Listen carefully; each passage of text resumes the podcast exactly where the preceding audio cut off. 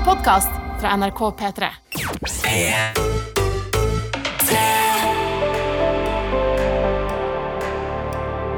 Dette er P3 Morgen.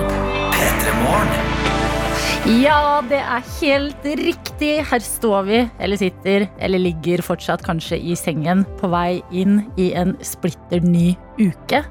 Du har starta dagen din med P3 Morgen. Det gjør meg så lykkelig, og spesielt i dag fordi det er en litt uvanlig dag.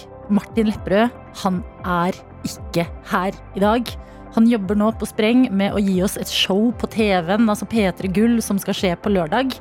Derfor har jeg en helt nydelig vikaruke lina opp. Og den første vikaren denne uka her, det er deg, Magnus Devold. Det er det. det er God morgen! God morgen! Det er så stas å ha deg her. Ja, er det det? Jeg gleder meg til å, eh, til å tilbringe tiden frem mot klokka ti sammen med deg. Jeg gleder meg til du skal få se hvor bra folk som starter dagen med P3 Morgen er. Altså, man sier mye sånn de beste lytterne, men jeg Ja. lover denne eksklusive morgengjengen. Dette er, en, eh, dette er et bra sted å være. Er det sant? Det er. Ekstra mye. Det er som julaften her. Ja, det er det. Ja. Lite grann. Jeg er så glad. Vet du hva? Jeg er så gira i kroppen. Men eh, aller først, det vi gjør hver eneste dag, mm. det må du også vite. Ja. Det er å ønske oss dagens aller første låt fra deg som har stått opp og skrudd på radioen din. Og dette kan du lære deg med en gang, eh, Magnus. Ja. Kodeord P3 til 1987. Kodeord P3 til 1987. Yes, Det er veien inn til vår innboks. Eh, vet du hva det betyr? Skjønner du det sånn umiddelbart? Kode, ja, jeg skjønner hva man skal gjøre her. Her skal man da gå inn i meldinger. Ja. Så skal du skrive først ordet P3, Ja. og så et mellomrom. Og så kan du skrive det du har på hjertet. Eh, det du måtte dele. Og så skriver du inn på det nummeret du sender til. Det er 1987. Helt riktig. Mm. Det, så enkelt er det, men så er det sånn at eh, det er hyggelig hvis du tar med en låt inni der også, fordi hvis ikke så må vi sitte her veldig lenge og bare prate, prate, prate, prate, fordi det er nada klart. Ikke sant? Nada er klart. Nada er klart. Vi har altså planer for resten av dagen, men akkurat disse første minuttene, de er dine. P3 Morgen.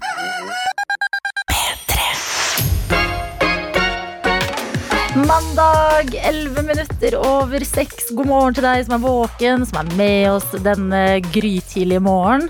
I dag er supervikar Magnus Devold inne for eh, sin eh, Jeg holdt på å si navnebror, men det er jo ikke riktig. Men Nei, Magnus, men det er veldig mange som sier feil der. ja, er det mange som kaller deg Martin? Ja. Martin, Marius og Markus og Magnus tror jeg går i en sånn uh, suppe uh, av navn på M, som alle gutter heter, så å Ja. si. Uh, så jeg har fått høre alle de ganske ofte i mitt liv. Ja, det er det som er bra med å hete Adelina. vet. Ja, det blander ikke folk. Det er ikke så lett å blande, nei. Man kan ta feil, men det er liksom ikke noen uh, altfor mange like navn. Men det er Magnus som er her i dag, eh, og velkommen skal du være, Magnus. Tusen takk. Hvordan går det med deg? Du er, altså, du er tidlig oppe i dag. Ekstremt. Det er jo en annen verden, eh, har jeg skjønt nå, for de som står opp klokka fem enn eh, den jeg vanligvis lever i. Jeg så ekorn på vei til jobb. Ja, til jobb. Jeg kaller det allerede på vei til jobb. ja. Eh, selv om jeg er her én dag. ja det er bra, det. På vei til denne jobben eh, og dette studioet, så så jeg ekorn. Eh, Hvordan var det? Nei, det er sprøtt. Det, det er jo som Hvis man bor eh, et stykke utenfor Oslo, så ser man noen ganger rådyr og elg og sånn. Ja. Det er det samme følelsen i Oslo hvis man ser ekorn. Ja. At det er sånn, Man stopper opp. Wow. Rekker jeg å ta et bilde av dette? Nei, Mm. man gjør ofte ikke det, fordi de er lynraske. Ja, Eh, Pluss det er mørkt. Pluss det er mørkt. Men jeg så et nydelig ekorn løpe eh, inn i en busk. Eh, og da tenkte jeg at dette er et Oslo jeg ikke har sett før. Det høres ut som en sånn eventyrlig start på dagen. Det var det. Du var tidlig oppe, en litt ny verden for deg som pleier å stå opp litt senere, og Ja. du, altså naturen bare timet et ekorn din vei. Tenk at naturen er så voldsom, til og med her i storbyen. Altså, det er, eh, det er vilt. Det er vilt. Og nå er du her, eh, og jeg vil bare si til deg, som liksom ikke er vant til å være så tidlig oppe Dette er den fineste tida. Sånn- Ja, er det det? Ja, jeg mener det. Og det er her jeg håper også at vi, altså du som eh, hører på og er med oss på melding og snap, NRK P3morgen, kan bevise for Magnus hvor koselig vi har det så tidlig på morgenen. Og det mener jeg, fordi at eh, jeg husker, altså før jeg begynte å jobbe i P3morgen, Mm. så jeg er veldig sånn glad i morgenperson. Jeg elsker å liksom Ja. starte dagen med frokost, kaffe, høre på radioen, de tingene der. Mm. Eh, og så var jeg litt sånn Oi, det blir rart å miste det. Men det er jo ikke det. Altså, jeg føler heller jeg har bare fått det ganger tusen. At det er et sånn imaginært langbord med frokost, hvis du skjønner. Sånn helt på ekte. Ja. Så dette er En sånn fin tid før folk liksom begynner å våkne helt. Før man er kanskje helt av gårde der man skal. Det er nydelig. Ja, og så er det, det er litt sånn hemmelig klubb, de Ja. som er våkne klokka seks. Jeg er så glad du er sier en det. sånn hemmelig gjeng som eh, ikke de andre får være med på. Og det er også Ja. litt gøy. Eh, du reagerte jo i stad på at Lefsebussen hadde skrevet en melding hvor det sto 'God morgen, tøyter'. Ja, det reagerte sterkt på. Ja, det er vårt kjærlighetsord her i denne rare klubben. Det er sånn vi, vi viser at vi er venner av eh, radioprogrammet. Eh, folk som sender inn, skriver inn tøyte. Vi svarer tøyte. Sånn at hvis det står 'God morgen, tøyter' på en annen melding, da må du si tøyte. Så er det hyggelig. Mm. Ikke sant? Det skal jeg lære meg. Det er veldig rart når man går ut på gata, og eh, venner av programmet også går ut på gata og roper 'tøyte', som vi jo har bedt dere om å gjøre. Men det Ja. er litt sånn Og så, så hvis folk begynner rope det til meg nå, Ja, for det har jeg aldri blitt kalt, tror jeg. Nei. Men nå vil jeg rop det gjerne til meg hvis dere ser meg. du er en venn av dette radioprogrammet. Ja. Eller send det inn hvis du ikke ser Magnus på en stund, på eh, Snap, fordi du har blitt Snap-ansvarlig i dag. Ja, det har jeg. NRK P3morgen heter vi der, og eh, der er det bare å gjøre som dere vanligvis gjør. Eh, snappe inn og dele fra deres morgen. Kanskje gi Magnus en god start på dagen. Du er jo, altså, du er jo litt, litt ny i dette tidlige gamet. Sånn at dere som er våkne, kan på en måte ønske Magnus velkommen eh, og eh, si god morgen. Gjør gjerne det. Eller så er eh, innboksen altså på SMS åpen som vanlig. Kodeord P3 til 1987. Kan jeg, kan jeg bare nå åpne til en snap? Ja, perfekt. Bare tilfeldig. Det her er det en som ikke har kommet seg hjem fra søndagsmiddag ennå. Og det er sendt klokka 6.08. jeg elsker dette mennesket. Ja, dette er sprøtt. Hva tror du har skjedd der? Det har vel bare rakna helt, kanskje? Eller har, har det vært så hyggelig at det nå har blitt uh, antagelig tolv timer? Ja, fordi jeg tenker med en gang date, jeg. Oi! Det står uh, søndagsmiddag med kohorten. Mm, Men man kan jo være i kohort med en uh, date. Kan man ikke det? Eller man kan jo det. Du hvis, du velger deg, hvis det er en av de du velger deg denne uken Ja, å være i kohort med. altså, det, du kan ha en date i kohorten din. Dette er sånne ting vi elsker. Når Ja. dere melder ifra at dere har vært på søndagsmiddag i over tolv timer. Det er akkurat, det er perfekt. Sånne type ting er det vi vil ha på Snap. Eh, Så takk til deg som sendte den. Står det noe navn? Emmy 2000. Emmy 2000, der er du god, altså. Du ja. leder ved eksempel. Er det ikke det man sier? Jo, det er det. Smith Tell og Year of the Young i radioen din. Seks minutter på halv syv. God morgen fra meg som heter Adelina, og supervikar Magnus. God morgen. Vi spurte hvem som er med oss denne mandagen, og det er jo det beste når man er tidlig oppe og vite at du er ikke alene. Eh, Og det er vi absolutt ikke. Jeg kan ta en melding her fra, melding fra tøytepolitiker Jens. Ja. eh, som skriver God mandagsmorgen, Adelina Magnus. Da er en ny uke i gang med kaffe og frokost før jeg skal sykle til jobben. Det blir en travel uke med jobb i barnehagen, forberedelse til jul og en vanskelig budsjettforhandling i kommunen. På onsdag eh, blir det forberedelser til digital landsstyremøte som starter på fredag. Toppstemning herfra. For en uke han skal ha. Altså for en eh, Ja. Fra barnehage til eh, kommunemøter til digitalt landsstyre. Du er, du er effektiv, Jens. Han er det. Det er godt å ha deg med på laget her. Eh, Erik J fra Jubelsalamifabrikken, kan jeg si til deg. Jobber han på Jubelsalamifabrikken? Ja. Hva er forskjell på jubel og vanlig? Det er et spørsmål til deg, Erik J. Det Ja. kan du gjerne svare oss på. Her står det i hvert fall 'God morgen og velkommen'. Ny tøyte Magnus. I Trondheim er det masse regn og kraftig vind i dag, og jeg er glad jeg jobber inne. Det jeg er glad for hver dag jeg får jobbe inne, er at jeg får være inne. Ja, tenker du på det? hvert fall nå. Noen Ja. ganger ser det jo sykt deilig ut å jobbe ute. Ja, ikke, men ikke dette halvåret. Vinterhalvåret. Ja, men hvis det er sånn ordentlig blå himmel og litt sånn kaldt ute, og så ser du folk eh, drikke kaffe ute, sånn typisk på byggeplasser og sånn, da går jeg alltid forbi og så tenker jeg det der, det ser så deilig ut, det ser så koselig ut.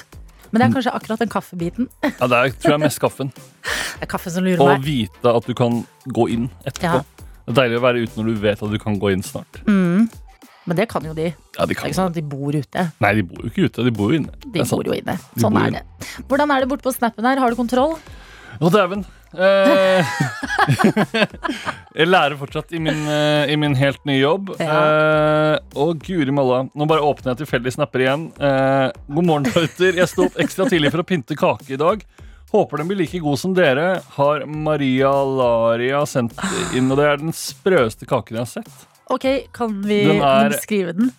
Den er eh, rosa, og den har sikkert 200 kilo med jordbær som er dandert en, De er skåret opp og liksom dandert som en rose på toppen. Du tuller. Hva slags kake er det? da? Er det en ostekake, eller? Jeg tror det er noe ostekake eller noe eh, litt sånn her yoghurtaktig. Ja, det blir jo nesten ostekake, det. Ja, det gjør vel det. Ja.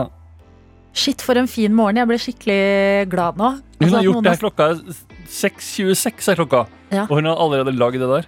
Det er helt vilt. Du er rå, eh, Maria, pluss Maria Laria. Ja. Er det et lite ordspill på liksom mal malaria? Oh. Fordi der er du god, i hun, så fall. kan, hun kan både ordspill og kaker.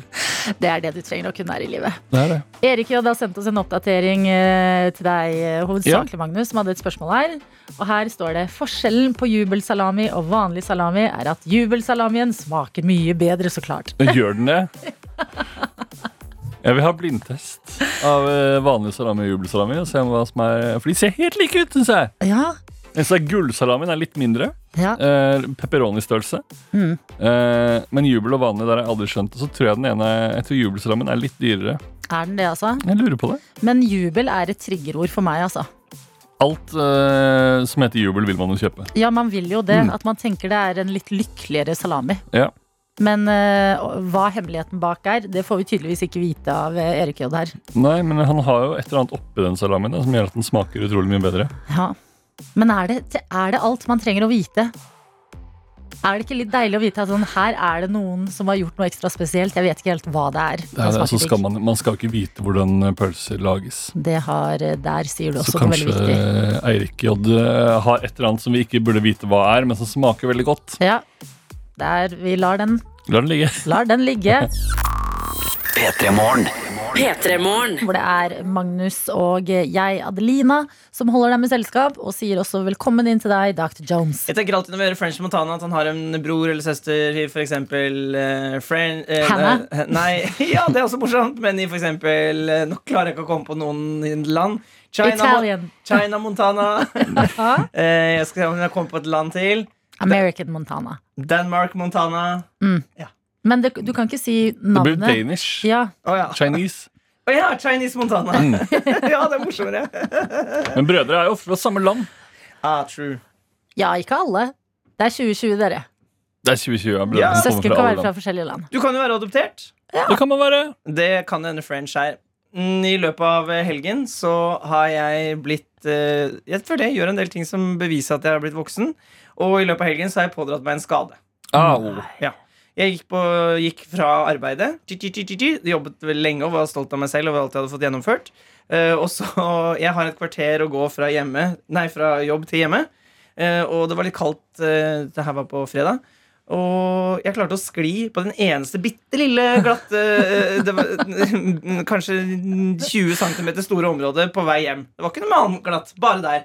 Og uh, det var mørkt, og jeg bare uh, høyrebeinet mitt bare sånn svosj opp i, i været. Og jeg falt ikke, eller noen sånne ting men jeg har også aldri hatt så vondt i hele mitt liv i kneet. Og så sto jeg der, eh, eh, klarte ikke å gå, og sa sånn. Og så kom det en veldig gammel dame bak meg og sa sånn Går det bra? Skal jeg hjelpe deg? Og så sa jeg sånn Nei, jeg tror Jeg tror bare jeg må komme meg hjem. og så sa hun Ja, men hva, hva har skjedd? Og så sa jeg Jeg sklei, plutselig var det is. Og så sa hun Og dette her er en gammel dames vise ord. Ja, plutselig er det is. Ja, så hun har sikkert opplevd noe lignende i sitt gamle liv. Og så gikk jeg hjem, og i løpet av, i løpet av helgen så har jeg vært, i en vært gjennom en reise. Jeg har vært, ikke klart å gå, nesten i det hele tatt. Og eh, måtte bruke krykker. Eh, og bare hatt det helt sånn Yes. ja, og, og virkelig eh, gått så treigt som det går an å, å, å gå. Jeg så at du slet eh, da vi møtte her i dag morges. Ja. Eh, likevel sa du 'ta heisen, dere'. Jeg tar trappa. Jo, men oppover går bra. Okay. Det er nedover ja. som er uh, ikke bra. Hva slags, hva slags type er du når du skader deg offentlig? Vil du ha uh, oppmerksomhet og velvilje fra de rundt deg, eller vil du bare at ingen skal se det og folk skal fortsette? Nei, Jeg var litt glad den gamle damen var der. Ja. Men jeg hadde ikke noe lyst, for jeg, hadde, jeg var redd for å være i nærheten av henne pga. en global pandemi som Ja. pågår akkurat nå. Så jeg følte ikke at jeg kunne utnytte meg av hennes uh, Pluss at hun var Du kunne ikke skral. gråte og få en klem, liksom. Nei, pluss at det, det, det som hun kunne hjulpet meg med, var å støtte meg. som en god venninne av meg måtte gjøre eh, senere i helgen. Da Da Vi var på restaurant, og så måtte da min beste venn Johanne eh, på en måte bære meg ut av restauranten, for da hadde beina blitt vondt. Men nå, eh, når jeg våkna på i går, så var det ganske bra. Så selv om jeg slit, hinker litt, så tror jeg det er på bedringens vei. Så jeg har ikke vært hos lege ennå. Jeg skal se an om dette går seg til av seg selv. Så utrolig rart at du har blitt liksom så skada av å ikke tryne engang. Jeg vet. Det er jo merkelig. Straffen passer ikke pø, eh, eh, Nei. eh, eh, Hva det heter Eh, det? Altså, vi, jeg skjønner hva du mener, men jeg har si, ikke si at en kriminell stjal en is på butikken. Ja. Og så- 21 år. Passer ikke! Nei, passer ikke. Dask på hånda og skjerp deg! Ja. Ja. Dette er NRK P3. Wow, Magnus, her er du så god. Ja, det er jo en kanonsang. Britney Spears og Toxic, låta som eh, ble spilt eh, på CD da du skulle ha din første hjemmefest, og Mm. var litt gira, men også veldig redd for at ting skulle bli ødelagt hjemme hos deg. Ja. Har dere mange dyre ting? Har du liksom en mor som er glad i sånne litt spesielle vaser eller sånn type? Det var mye, det var mye kunst. Ja. Jeg vet ikke om det var verdens dyreste kunst, men eh, var, det tror jeg var det jeg var mest redd for. Var At noen skulle liksom rase ned et bilde. Og, eller bare, men altså generelt, bare om det er en kaffekopp som blir borte, så føler man det sånn Å, herregud, nå kommer livet mitt til å bli ødelagt. Hvis det er et eller annet som, eller annet som er borte. Fordi de kommer jo hjem, Mm. eh, mine foreldre, på søndagen, og har, merker jo at De lukter jo lunta med en gang, for det lukter sånn supervasket. ja. Og det ville ikke 17 år gamle meg gjort sånn uh, helt instinktivt. Bare sånn ah, 'Jeg er hjemme alene en helg for første gang. ja. Uh, la meg vaske hele huset'. Nei, det er det jeg har lyst til å bruke helgen på. Ah, det er det, men du, eh, du nevnte Toxic og Maskorama også. Ja. Fordi eh, den ble sunget i eh, helgens episode av Maskorama. Mm. Og jeg må bare si, altså, eh, Maskorama Jeg bruker utrolig det er, det er kanskje det jeg bruker mest hjerneceller på om dagen. Mm. Du, du ser på det du også, antar jeg? Ja, og eh, jeg føler jeg, både jeg og mange med meg tenkte eh, etter å ha sett første episode Herregud, så teit. Mm. Så teit program. Men så bare snudde det eh, fra og med episode to. Ja. Så har det blitt favorittprogrammet mitt. ja, jeg vet Eh, og jeg vet ikke helt hva som har skjedd, eller hvordan de har gjort det. Men eh, når du bare liksom blir med på hva greia er Ja. eh, som tok, For det er jo et rart konsept som ikke ligner så mye på så mye annet. ja, det er litt sånn unorsk, kanskje? Ja. Ja. Men nå syns jeg det er, altså, ja, det er helt fantastisk. Og jeg sitter og gleder meg til neste lørdag allerede. Da gjorde jeg helt fra sånn Ja, det var Mia Gundersen, ja. Ok, hvem er neste? Ja. Jeg òg er sånn der one down, hvem er de andre? Og jeg, altså Det trollet Ja. som i helga sang eh, altså Loreen under Euphoria, som Mm. er en sykt fet låt. Ja. Og det trollet som har så sykt bra stemme. Mm. Jeg klarer ikke legge det fra meg. Nei. Jeg går liksom rundt, jeg kan ha liksom fem minutter til overs og bare Men hvem er nå det Mm. trollet? Er det Ulrikke Brandstorp, eller er det noen andre jeg ikke vet hvem er? Ja, og så driver man hele tiden og bytter på hva man tror, og man Mm. driver og tenker Plutselig kommer man på sånn Å ja, han Men sa jo det i introen. Ja. Det kommer jeg på nå. Da må det jo være han, og det må være hun. Ja, det er vanvittig spennende. Men hva er dine? Jeg så, eh, jeg tror det var Dagbladet som hadde en sånn svær sak i går med forskjellige folk og deres teorier. Eh, har du noen gode teorier? Noe du liksom merker sånn sitter godt i magen? Jeg har jo tenkt mye på at, eh, at elgen er uh, Jon Carew. Jeg For også det har har vært tenkt noen heimebanehint der. Det har vært noe grønne den grønne scenen, og det har vært noe, har vært noen fotballer i de introene. Ja, Og så er det jo en stor mann, ser det ut som. ja. Eh, men tenk, tenk hvis det er Jon Carew som gjorde den Missy Elliot-låta på lørdag. Tenk hvis det er Jon Carew som har gjort det. For han har satt, kasta bort premier- eh, karrieren sin i Premier League. Han burde jo rappet. Hæ? Ja, Ja. det! Ja, han burde jo det hele veien. Hallo, for et multitalent hvis det er Jon Carew, da. Ja. Men når Jon Carew sang eh, Missy Elliot sin eh, Get Your Freak On, Mm. eh, det var kanskje da 2020 peaket for min del. når jeg ser eh, sammen med en venninne eh, på NRK, og en elg i et gigantisk gullkostyme danser, og liksom Mm. danser sånn virkelig bra, til en ordentlig god hiphop-låt. Ja. Eh, og så sier han inni låta 'Who's that moose?' Da tenkte jeg bare Da har de bytta teksten ja. fra liksom originallåta til å tilpasse den elgen. Mm. Og jeg var sånn Fy faen. Jeg, jeg er med på denne festen. Altså, nå piker det her. Elgen gir meg så mye glede. Nei, vet du hva, Maskorama er så bra! Det er helt utrolig. Dette er P3 Morgen. Denne jodlingen fascinerer meg. Der er Justin Bieber god. Og Benny Blanco. 'Lonely' det er låta vi har hørt ett minutt på syv. Og før det eh, så eh, nerda vi hardt på eh, det jeg føler alle prater om om dagen, Maskorama. Mm. Vi hadde noen teorier, og folket er med oss. Ja, folk, det er altså flere her som har skrevet at trollet må jo være Cess. Altså komiker Cess Cessnes, holdt jeg på å si. Ja, Cecilie Steinmann Ness. Ja. Ja. Kjenner du folk- henne? Ikke så veldig godt. Fordi kan hun jeg, kjenner, altså, jeg vet jo bare at hun er komiker. Ja. Kan hun synge fint? Eh, det vil jeg tro. Ja. Jeg føler man har hørt det. Har man ikke hørt henne synge, da? Hæ? Har man ikke hørt henne synge på TV en eller annen gang? Det er sikkert. Dette, man, dette er jo sikkert det folk gjør òg. Så går man og finner ut det. Ja, der er folk. Se om det er noen YouTube-videoer hvor Cess synger, og sammenligner med trollet sin stemme. Altså, vi blir detektiver, Mm. eh, og jeg elsker det. Her sitter jeg, Adelina, og Magnus Devold. Hallo! Du er supervikar, og Ja.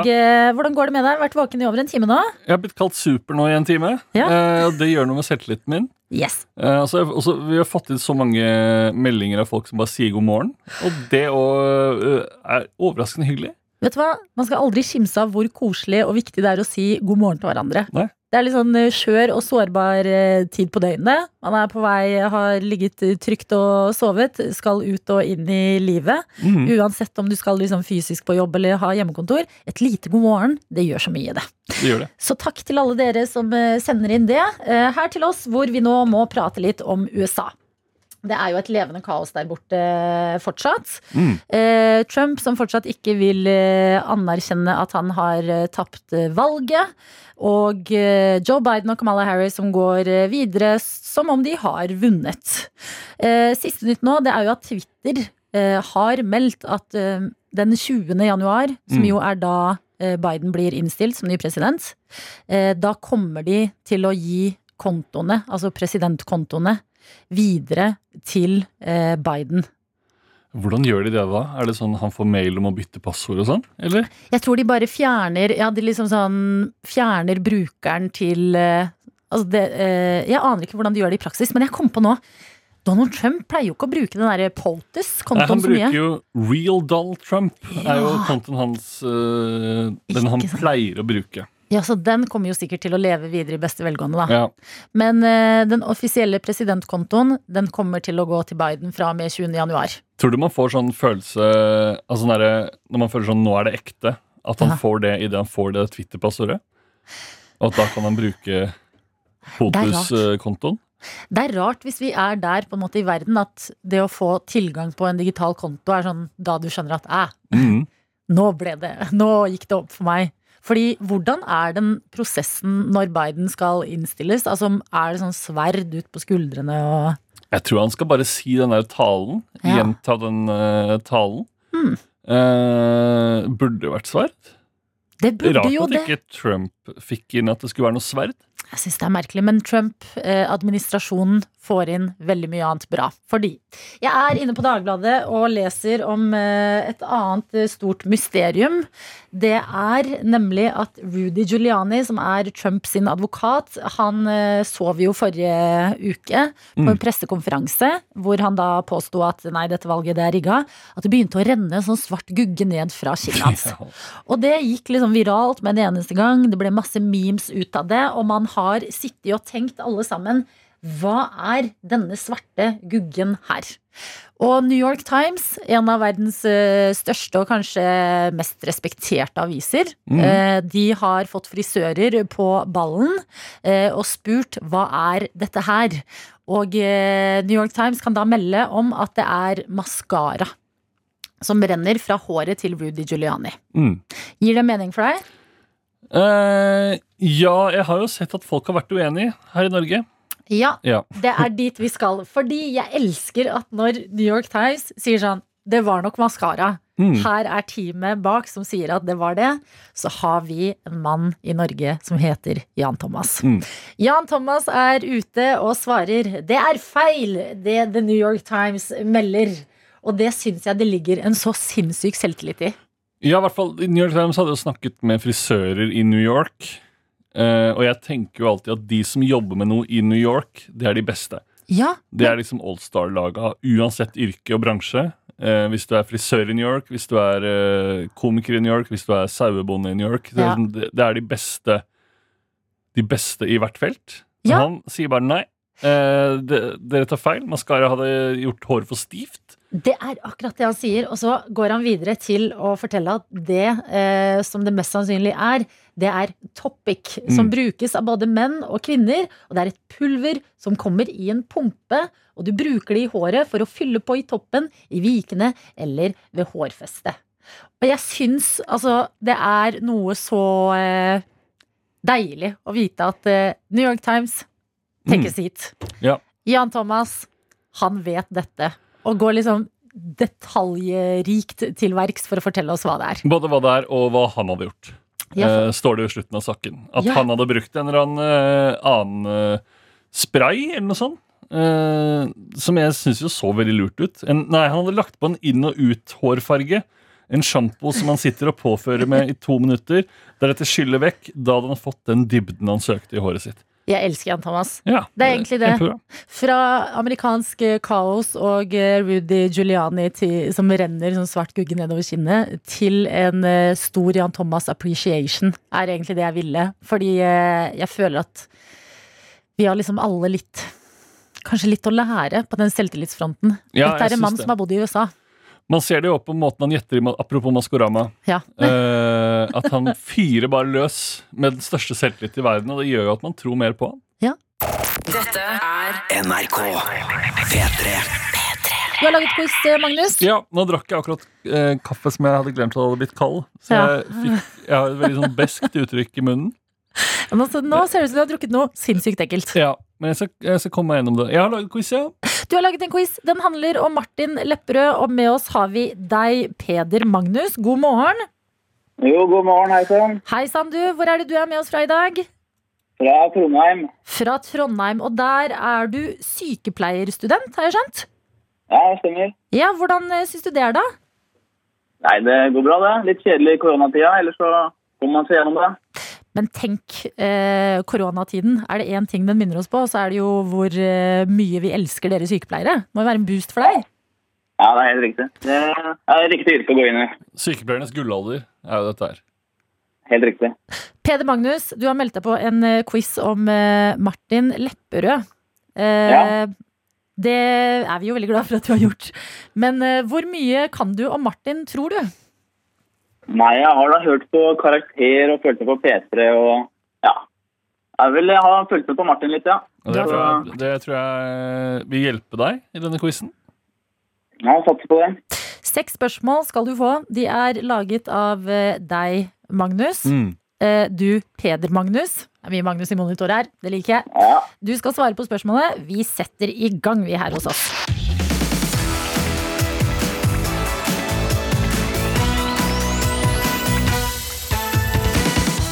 Hjertelig velkommen til eh, quiz her i P3 Morgen. Vi skal ha en quiz om programleder og uh, standup-komiker Martin Lepperød. Yes. Har han noe mellomnavn? Eh, Sundbø. Sundbø? Ja. Sundbø Lepperød. Ja. Det var ikke en del av quizen, men da lærte vi enda en ting om eh, Martin Lepperød, og vi skal lære seks ting til om denne utrolige eh, skapningen. Eh, skal jeg bare begynne på spørsmålet igjen? Vær så god. Er du klar, eh, Peder Magnus? Ja, klar. Visste du kan jeg bare sjekke, visste du at han het Sundbø til eh, mellometternavn? Ja, han heter vel også Aksel Hennie også. Fader, du er god! det. Det er helt riktig. Der er du på. Martin Aksel Hennie Sundbø Lepperød. Helt riktig. Eh, vi begynner med spørsmål én, Peder. Ja. Hvor gammel er Martin Lepperød? Er han 22 år, 27 år eller 31 år? 27. Det er riktig! Poeng! Ding, ding, ding. Du har ett poeng. Eh, vi går rett på spørsmål to. Hva heter Martin Lepperøds tvillingbror? Heter han Markus, Martinus eller Anders? Eh, Er det Nei, Der sliter jeg litt, faktisk. Eh, Er det Anders, da, kanskje? Det er Anders. Du har to poeng, Peder. Av ba- to mulige. Gikk du for elimineringsmetoden og tenkte sånn Markus og Martinus, det må være tull? Ja, tenkte det. Det var Ja. helt riktig. Yes, det er bra jobba. Du tenker veldig bra. Spørsmål tre. Hvilken eh, karakter er Martin Lepperøds hund oppkalt etter? Er det elefanten Dumbo, elefanten Mumphy eller postmannen Pat? Ja, det var lett. Det er Mumphy. Du er et geni. Du er et Martin Lepperød-geni. Altså, du har tre av tre inne. Det betyr, Peder Magnus, at eh, du trenger bare ett poeng til. Ta det Ja. vanskeligste spørsmålet du har, da. Magnus, for det er, tydelig at vi har med oss en med peiling her. Han eh, er ekstremt god. Eh, Jeg håper jo, hvis vi rekker alle seks spørsmål, at han kan prøve å få ta full pott. Ja, så hvis du, hvis du vil gå for full eh, pott, så kan vi, også prøve det. Vi kan ta en eh, litt vanskeligere her. Hva er det første ordet som kommer opp som forslag hvis man googler Martin Lepperød? Er det Maren, due eller naken? Det er vel eh, kjæreste eller Maren. Eller due. Går det for Maren eller Due? Det går for uh, due. Du skulle holdt deg på Maren, for det var Maren som var riktig. Nei. Men dette gjør jo Dette er jo dramaturgisk veldig bra at du svarer feil nå, Fordi da blir det enda mer spennende å se om du klarer å vinne P3 Morgen-koppen. Ja. Det er enkelt nå. Den her tror jeg du skal klare. Hvilken NRK-serie har Martin Lepperød ikke spilt i? Blank, Kongen av Gulset, Atlantic Crossing. Atlantic Crossing, kanskje? Det er korrekt! Ja da, der er du god! Ja da! Å, hallo, kan vi bare ta et øyeblikk og tenke på hvor gøy det hadde vært hvis Martin hadde spilt i Atlantic Crossing? Det hadde vært fantastisk. Det har han altså ikke. Det betyr at du klarte denne quizen med Jeg vil si med glans, jeg, selv om eh, det var en liten Google-smell der, Ped Peder Magnus. Ja, det var det. Måtte bare ta alt fra toppen av huet. Da sitter jeg ikke på Google, vet du. Ikke Sånn er sant? det. Vil, du Sånn ha, er det. vil du ha kjapt spørsmål seks også? Se om du Jeg klarer får det. høre. Er Martin Lepperød med i Maskorama?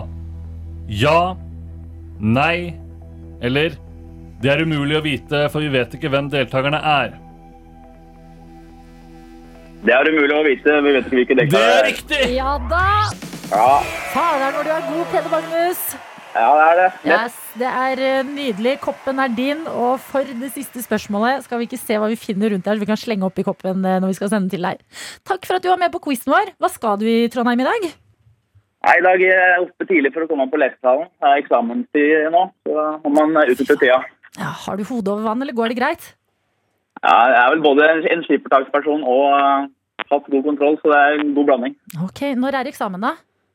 Ja, nå, nå på torsdag har vi andre eksamen. Å, fy søren. Masse lykke til til deg, eh, Peder Magnus. Bare ta med deg energien fra denne quizen. Det Altså- skal jeg virkelig gjøre. P3 Morgen. Som i dag er Magnus Devold og meg, Adelina. God morgen og God god, mandag. Nå avbrøt jeg deg. Du, men du, det går så fint. Går det bra med deg, Magnus? Ja, det går bra. Du er eh, travel om dagen. Ja, Ja. ja. Eh, jeg skal selge leiligheten min. Eh, og i den anledning så har jeg også ikke leid inn en boligstylist. Eh, jeg tenkte at jeg, jeg kan jo spare tusenvis av kroner på å gjøre stylingen selv. Ja. Eh, og det er noe av det mest spennende jeg har drevet med. Det er å style leilighet, for det er jo ingen regler som vanlige mennesker kjenner til. Eh, man Nei. ser jo ofte liksom at det står rare ting plassert rundt i leiligheter som skal selges.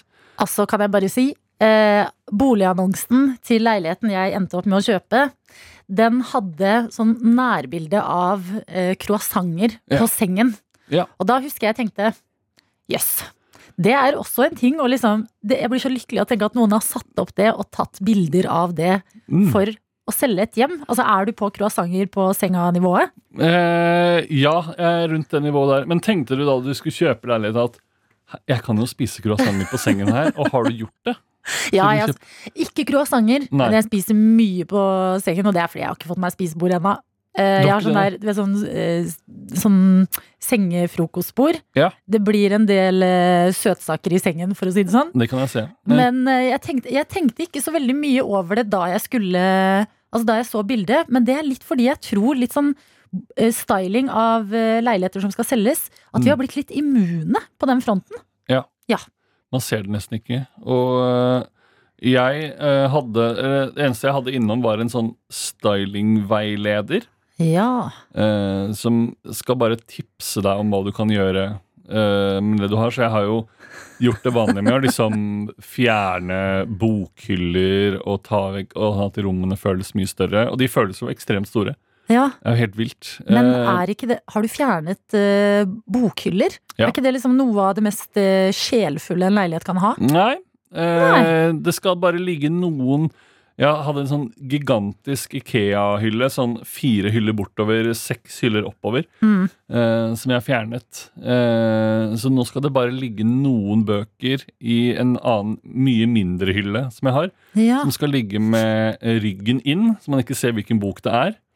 Eh, Så skal det ligge litt sånn henslengt i noen av hyllene. Eh, ja. så skal det være et par bøker. Mm. Og, eh, men eh, kanskje det mest spennende er, er dette med maten, Ja. eh, som skal være Og der var det også mye uenighet, for jeg hadde først denne stylingsveilederen som sa her må du sette på kjøkkenbenken noe avokado. Ja. eh, noen cherrytomater med stilk. ja. Eh, og la det liksom stå på en eh, stor fjøl. Gikk og kjøpte avokado og cherrytomater med stilk, som jeg danderte utover nydelig. Så var megleren innom et par dager etterpå og sa nei, dette går ikke. Nei. Eh, du kan, dette, dette blir for smått. Eh, du må gjøre noe annet. Du må kjøpe en eh, rødkål, ja. dele den i to. Åh, jeg Ja. elsker det! Ja. Og det er jo flott, flotte farger i en rødkål. Ja, altså En rødkål er fin, men jeg, Ja. altså at de lærde strides på denne måten om eh, frukt og grønt på kjøkkenbenken Mm. Åh, jeg blir lykkelig. Ja. Eh, ja, det er helt vilt. Og så skulle jeg også kjøpe en artisjokk. En artisjokk. Som jo ingen spiser. Altså en hel artisjokk som, ser, det er sånn som som en blomst. eh, på en måte. En veldig pen frukt. Ja. Det fant jeg ikke. Nei. Eh, så jeg sto da på Meny ganske sent på kvelden. Eh, jeg gikk helt til Meny, for jeg tenkte det var større utvalg av grønnsaker der. Ja. Kanskje artisjokk- hadde ikke artisjokk. Så jeg fikk panikk. Kjøpte et granateple. Ja. Eh, og da ble det det. Og det har jeg ikke fått spurt megleren om var greit. Eh, så nå er det et granateple med i Fordi bildene ble tatt på fredag. Ja. Eh, det er et granateple med i bildene, og jeg aner ikke hva hun kommer til å si til det. Nei. Fordi nå har jeg gått utenfor planen til både hun og uh, stylingveilederen. For det, nå er det Du har gått bort fra eh, tomater og avokado. Ja. Ja. Ok, så du har rødkål og Mm. granateple. Ja. Det er utrolig gøy hvis megleren din blir sur nå. Ja. Hvis megleren kommer inn i leiligheten og tar seg Du vet sånn når folk tar seg sånn på toppen av nesa liksom har litt migrene og er litt sånn Nei, Mm. nei, nå blir det altså Nå blir det 500 000 under. For du har kjøpt feil frukt, Magnus. Ja, og det er jo liksom Jeg vet ikke, for det er jo rødt og lilla match. Hvor bra matcher det egentlig? Det er det, da han ville ha det grønne inni der, artisjokken. Ja, det er det. Mm. Så hvis noen vet hvor jeg kan få tak i en artisjokk, så kan jeg Mm. kanskje få pressa inn den, i hvert fall til visningen. Ja. Eh, men akkurat eh, bildene, der er det, må jeg beklage, der er det eh, rødkål og granateple. Men jeg elsker at det ligger så mye bak, fordi at eh, som regel, altså eh, vi som skal se bildene, og som er, trenger et sted å bo, Mm. vi vil jo liksom Altså Egentlig så er jo det siste vi bryr oss om, om det er artisjokk eller et granateple på kjøkkenbenken. Ja. Men for altså sånn leilighetsstylister og meglere så betyr det altså så mye. Det gjør det. Jeg syns det er spennende. Jeg har også sett, det må jeg si, hvordan er du, Har du hengt opp en gitar på veggen din? Nei, det har jeg ikke gjort. For det er veldig trendy nå. Ja. Og jeg har alltid drømt om å tulle med Jeg, jeg angrer på at jeg ikke gjorde dette, men det var fordi eh, boligjakten var hard nok som den var. Men fordi man kan jo si når man legger inn bud, så Mm. kan du si sånn herre Ok, jeg ønsker meg eh, med hvitevarer. Ja. Eller jeg vil helst ta med det og det. Mm. At man liksom kan skrive sånn eh, Jeg kjøper leiligheten hvis jeg får med rødkålen og granateple. Det syns jeg skal stå i alle budene. Ja. Jeg skal ha med alt, alt stylingmat og ting. Eh, det syns jeg dere skal legge inn bud om. Ja. For en reise du er på. Ja, for en reise. Er det litt gøy òg, eller? Det er jo det. Ja. Det er jo litt gøy. Ser du Eh, frukt på en ny måte? Ja. Ja. Jeg ser, nok ser jeg kun på fargen eh, til frukt, Mm. eh, og det bestemmer om jeg vil spise det eller ikke. Så i dag blir det rødkål og granateple til middag. Ja, ikke sant, For nå er bildene tatt. Ja. Da kan du endelig, kan endelig spise det. gyve Sette løs. tenna i rødkålen. Fy faderen, for en drøm. Nei, men det er eh, eh, boligverden. Rar verden. Veldig rar verden. NRK. God morgen og velkommen til deg, Eivind Sæther. Tusen takk. Endelig er du her. Vi har gleda oss så mye. Og når jeg sier vi, eh, så kan jeg fortelle deg som akkurat skrudd på radioen, at det er eh, supervikar Magnus Devold og jeg, Adelina, da, her i radioen. Og vi har huka tak i deg fordi du eh, har vært med å lage en podkast som heter Havarikommisjonen. Ja. For de som kanskje ikke har hørt den ennå, hva for en podkast er det? De burde høre den. Altså Det er jo, det var noen som skrev om at dette er podkasten som redder forholdet ditt. Ja. Og det tror jeg jo, for det, eh, vi har jo da valgt å følge par fra den der deilige, boblende, varme forelskelsen. Den vi alle har vært i og elsker. Til det begynner å skurre litt, og til slutt bare går opp i flammer hele pakka. Ja. Og så har vi med oss eh, fire av de beste samlivsterapeutene. Sissel Gran og Katrin Sagen osv. Og så ser vi på hva er det som skjærer seg? Altså Hvor er det det går galt? Hvilke Ja. feil er det man eh, gjør på veien? Og så er det sånn at i hver episode så blir du liksom kjent med et nytt par, da. Og Ja. får høre deres historie.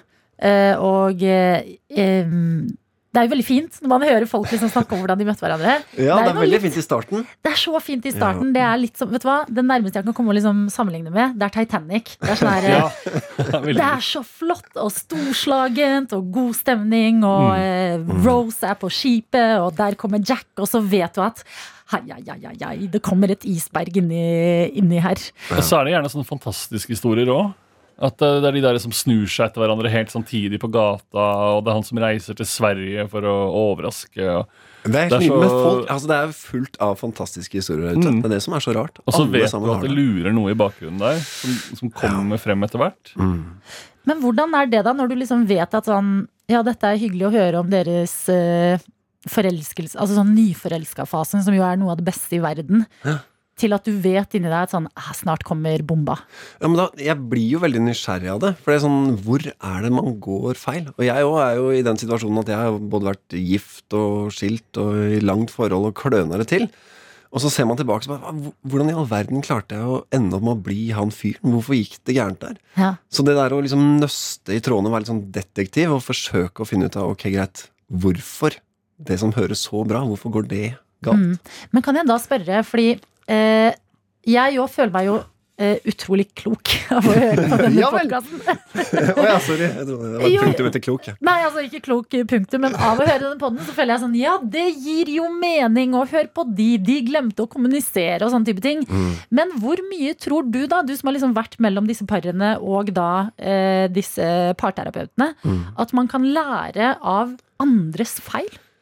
Eh, Jeg håper jo at man kan lære masse av det. Jeg merker jo selv det er nesten lettere med andre enn med en selv. For egentlig så burde vi jo alle sitte etter et forhold som har gått i dass, og tenke hva var det jeg dreit meg ut på? Hva, hva var liksom mine svakheter her? Hva annet burde jeg hatt med meg inn i forholdet?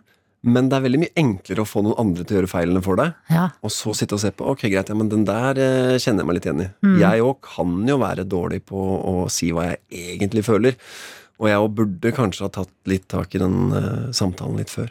Så det er på en måte Tanken er jo at uh, disse som er med i podkasten, disse parene, uh, som nå ikke er par lenger, at man skal liksom vi som hører på, vi skal ikke bare meske oss i deres uh, forelskelse og tragedie, men sånn Og det håper jeg ikke det blir heller, for det her er, det her er jo livet sjæl, liksom. Ja, Og sånn ja. er vi, og det er det sjokkerende med det. Vi er så innmari like alle sammen, liksom. Ja. Vi, vi driter oss ut og gjør større og mindre feil og er dumme og er utro og er uinteresserte og alle sånne teite ting.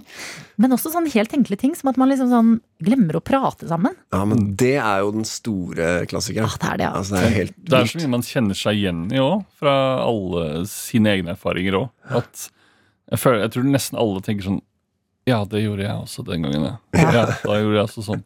Ja, At du blir, får litt sånn der, eh, blir klokere på deg selv Mm. av å høre ting du liksom aldri helt har satt ord på. P3 Morgen. P3 Morgen. Eivind Sæther, du er Ja. hos oss. Du har vært med å lage podkasten Havarikommisjonen, som handler da om eh, om man kan liksom nøste litt i grunnene til at forhold tar slutt. Og jeg må si, jeg har slukt denne podkasten, og jeg er jo singel. At det, jeg liker, det er at uh, som lytter så tenker du sånn denne gangen, denne gangen skal jeg notere meg ting og sørge for at neste gang da skal jeg ikke fucke opp. Fordi det er mye å lære i denne podden. Uh, særlig nå som man kanskje er litt sånn ekstra Kanskje ikke lei hverandre, men går litt ekstra oppå hverandre. Magnus, du er jo ganske safe, for du er i nyforelska-boblen. Ja, flaks, øh, flaks der. Man blir ikke så lei av hverandre når man er nyforelska. Altså, da må jo hjemmekontor være det beste. Bare gå på hverandre hele tida. Ja, det er veldig, det er veldig. Bokstavelig talt. si. Ja, Gå opp på hverandre. Det er veldig, veldig altså, Jo, men det, det husker jeg jo, det sier jo psykologen òg. Den Altså, I forelskelsesfasen så kan du egentlig liksom Du trenger ikke å være så himla smart og drive og planlegge langt framover. Nå skal jeg være en sånn eller en sånn. Men bare lev livet, kjør på. uh, ligg og ha det hyggelig, hvis det er lov å si på radioen på morgenen. Men det er jo virkelig liksom Det er bare å være i det. Og sånn sett så er det det beste, de aller, aller heldigste der ute. Det er de som er nyforelska akkurat nå når øh, landet har stengt ned. Da er du safe. Da er det bare å kose seg. Ikke sant? Da, da kan du ikke gjøre noe annet, da. Så for bare deg, Anina, er det mye, mye verre. Du går egentlig bare en stor og mørk vinter i vente. Og snart er det jul, og man skal hjem til foreldra. Og bare, ja, det er meg. 27 år gamle datteren deres. Ikke tenk på det. Eh, Men eh, nok om mitt singelliv. Mer om andres, eh, Andres jo, men det, altså, Grunnen til at vi ville prate med deg i dag, Det er fordi at du har vært så tett på disse parene og disse parterapeutene som vi hører om i Havarikommisjonen. Har du, av å liksom ha den jobben i det som du har hatt, sett noen mønstre, altså noen typiske, klassiske tegn, noen grunner til at forhold begynner å skrante? Ja, er svaret på det. Og det, det som er litt sånn deilig med disse parterapeutene Du var inne på kommunikasjon før denne låta. De vet altså sånn De vet hva man bør si. Veldig ofte kan du være i et forhold, og så kan du kjenne at nå er vi på et eller annet sted hver for oss hvor ikke det er så himla bra å være. Her burde jeg sagt noe, eh, men jeg vet ikke hva. Så jeg, jeg lar det være. Jeg klarer ikke å få de orda ut. Kommunikasjon er bare så innmari klassiker. Man forsvinner av gårde i hvert sitt litt sånn rare spor, og så setter rollene seg, og så er du hun som er litt for opptatt av å rydde, og jeg er han litt rotete, og så går vi og irriterer eh, hverandre. Og så bare forsvinner vi sakte, sakte, glir fra hverandre. Kjedelig, trist opplegg skjer hele tiden. De som da klarer å liksom sette seg ned og si du, jeg tenkte vi, bare, vi må bare snakke ett sekund her, for liksom jeg føler at vi, vi er ikke helt på det stedet vi skal være. Altså sånn, Forholdet vårt er ikke akkurat der det bør være. Hvordan har du det? De som hele tida tør å titte litt over gjerdet over til den andre og si sånn Hva er det egentlig vi driver med her? De klarer seg bedre. Og så er det jo som eh, Magnus' situasjon, da. Når du er i den derre eh, forelskelsesfasen, så er jo sånn Hele ansiktet ditt blir jo nesten liksom mer åpent. Altså du er, du er så glad i det mennesket, og du, du blir så fort liksom såra hvis du merker at det er noe. Sånn, du er veldig sånn Du er veldig lett lesbar, Mm. forteller psykologene. Men det som skjer etter hvert, er at dessverre, nå er det dårlige nyheter til deg, Magnus, Oh, nei. men når, når liksom biologien din slutter å Kanskje du aldri slutter å være forelsket, da, at hun dama her er så innmari flott at det bare varer og varer. Men hvis det er som for oss andre, så er det jo sånn at biologien roer seg litt ned etter hvert. Mm. Og da blir du liksom ikke så lett å lese. Og da er det lett å glemme sånn eh, hvor på en måte liksom mye den andre betyr. Altså hvor innmari stor kraft man har overfor hverandre. Man undervurderer den kraften. Fordi altså, når man liksom ikke sier noe, eller når man kommer med små stikk, og når man er litt sånn, når man overser hverandre, når man er litt smådust, det gjør faktisk kjempevondt. kjempevondt. Men man glemmer det litt etter hvert. Å, men nå tenkte jeg, nå kom jeg på en, eh, tenke på en ting. Altså, eh, å være nyforelska, det er jo Man kaller det jo også poppy love. At det er liksom som når, eh, når det er altså en valp. Det er jo når valpen er så liten og søt at du bare vil kose med den hele tida. Ja, det er sånn jeg ser på Magnus nå. Han er jo utrolig liten og søt. Veldig sånn valpete, nydelig gutt. Og det er jo sikkert kjærligheten som har gjort med deg, tenker jeg da. Det er helt sikkert. Men det er jo da det også er liksom helt sånn crucial fase for å liksom lære hunden at jo, du skal ikke bæsje inne. Du skal gjøre dette og dette. Sånn og sånn skal du forholde deg. Nå er ikke jeg noen psykolog, Adelina, men når du begynner å sammenligne partneren din med en hund, så kan det jo være en grunn til Nei, nei, men altså er det, Kan man lene seg litt på den nyforelska fasen til å begynne å legge inn litt sånn gode rutiner? Ja. Er det jeg prøver å si? Ja, men sånn i starten så må du søren meg bare være forelska, for det er så Ok. Mm. deilig, og det legger seg jo litt etter hvert. Så vær det. Og så sier ekspertene at når det roer seg ned, så skal du begynne med det greiene der. Så skal du liksom planlegge litt. Og så, det handler veldig mye om sånn å tørre å fortelle 'dette er meg'. Her, liksom, eh, her kommer jeg, Magnus. Og ja, jeg er liksom Jeg er en morsom type, men jeg har også disse usikkerhetene. Jeg har disse raritetene. Dette er meg. Hvem er du? Å finne litt sånn ut av hverandre, det er jo måten man på en måte legger den beste planen. Å vite hvem den andre er. Ja, det høres så utrolig lett ut når man hører på de Ja, parene vet. som er med der. Man hører på alle andre par som det går gærent med. At Ja. det er sånn, Hvorfor så dere ikke det her med en gang, da? Ja, du sier det jo bare etter et par måneder så begynte det å bli sånn og sånn. Hvorfor gjorde dere ikke det? Men man tenker jo ikke over det når man er i det selv. Helt riktig. Det er min jobb der. Jeg sitter jo hele tida og klager over at Men det her er jo ikke så lett i virkeligheten. Nei, Så man må det. jo minne seg selv på det. Man må faktisk litt aktivt gå inn for å, å få orden på det. Men er det sånn at eh, Sånn som når man dater, da.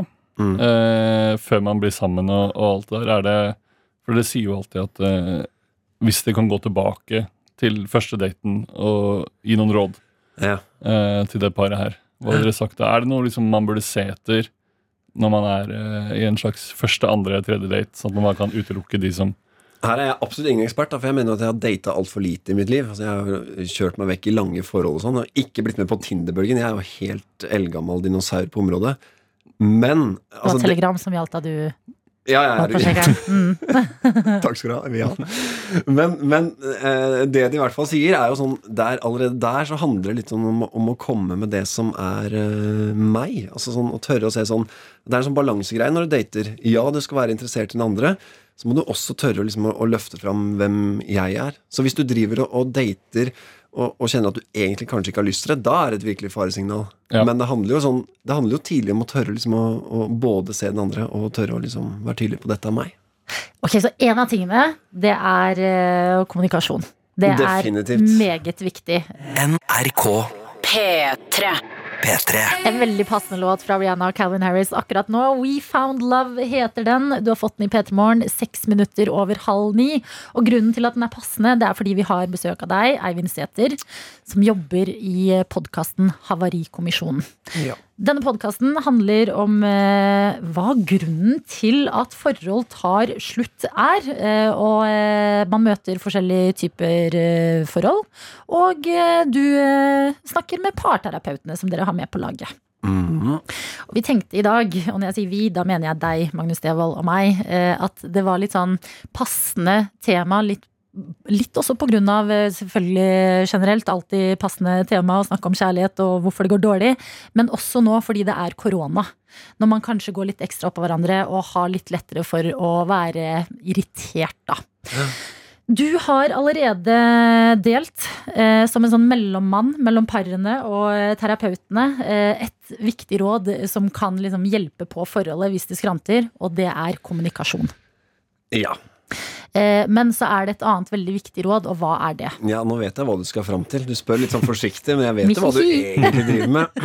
Ja, vi har jo da snakket om eh, seksualitet også, for det er jo da et eh, stort tema der ute. Ja? Eh, kanskje ikke for Magnus og alle de andre nyforelskede her i verden, men etter hvert så blir jo det gjerne et større og større tema. Og vi ser jo på en del av de parene vi møter, at eh, problemene eh, ofte kan flytte seg over i det seksuelle. Eller at man også rett og slett bare liksom glemmer det seksuelle litt. Ja. At man forsvinner litt sånn i hver sin retning, og så dør det seksuelle ut. Og da er Men det hvorfor sånn- gjør det det? ja, Godt spørsmål. Nå skulle vi jo selvfølgelig hatt disse nydelige psykologene her. Men, men jeg, jeg, jeg tror jo det handler om, dessverre, da, tilbake til det der liksom at man, man slutter litt å se den andre. Man slutter å, å interessere seg for eh, parforholdet. De er veldig opptatt av sånn du skal investere i det parforholdet. Du skal investere, du skal ha deg selv, partneren din, og så ha paret som en sånn slags tredjepart. Og tenke hva trenger egentlig paret nå? Altså, hva hadde vært godt for paret? Og det betyr ikke at du skal, skal hoppe rett i, i senga og ha det gøy nødvendigvis, men at du liksom klarer å finne noen gir som tar deg litt inn mot det seksuelle. Og det kan være å starte med sånn Ok, greit, i dag så skulker vi jobben, og så går vi og spiser lunsj sammen, og så sitter vi og prater og ser hverandre inn i øynene. Det er en god investering i, i paret. Og så fins det mange gir oppover, som disse psykologene snakker om i, i Havarikommisjonen. Og man trenger ikke liksom hoppe til femte gir. Jeg er jo en, en veldig enkel mann fra Ekeberg i Oslo. Jeg vil fort i femte gir. Mm. Men jeg har skjønt at eh, vedkommende som jeg lever med, ikke har den samme liksom, girkassa som meg.